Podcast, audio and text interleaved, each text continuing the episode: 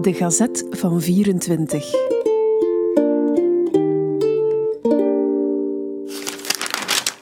Donderdag 10 januari 1924.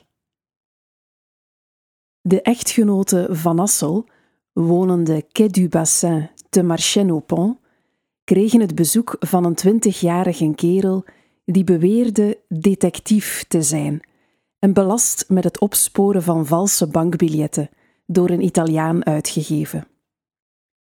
Hij vroeg aan de heer Van Assel om de bankbriefjes te mogen zien die hij bezat. De heer Van Assel voldeed aan zijn verzoek en onmiddellijk bevond de detectief dat drie briefjes van twintig frank vals waren.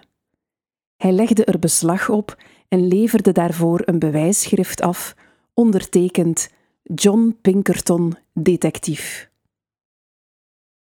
Daarop verliet hij de woning. De dochter, die echter weinig vertrouwen had in de zending van de detectief, volgde hem.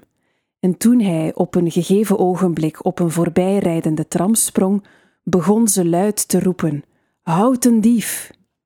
De kerel sprong terug uit het tramrijtuig en sloeg op de vlucht. Mejuffrouw van Assel sloeg haar regenscherm op zijn hoofdstuk, maar kon hem niet tegenhouden. De politie spoort een valse detectief ijverig op. Deze droeg een witte studentenpet waarop een arend.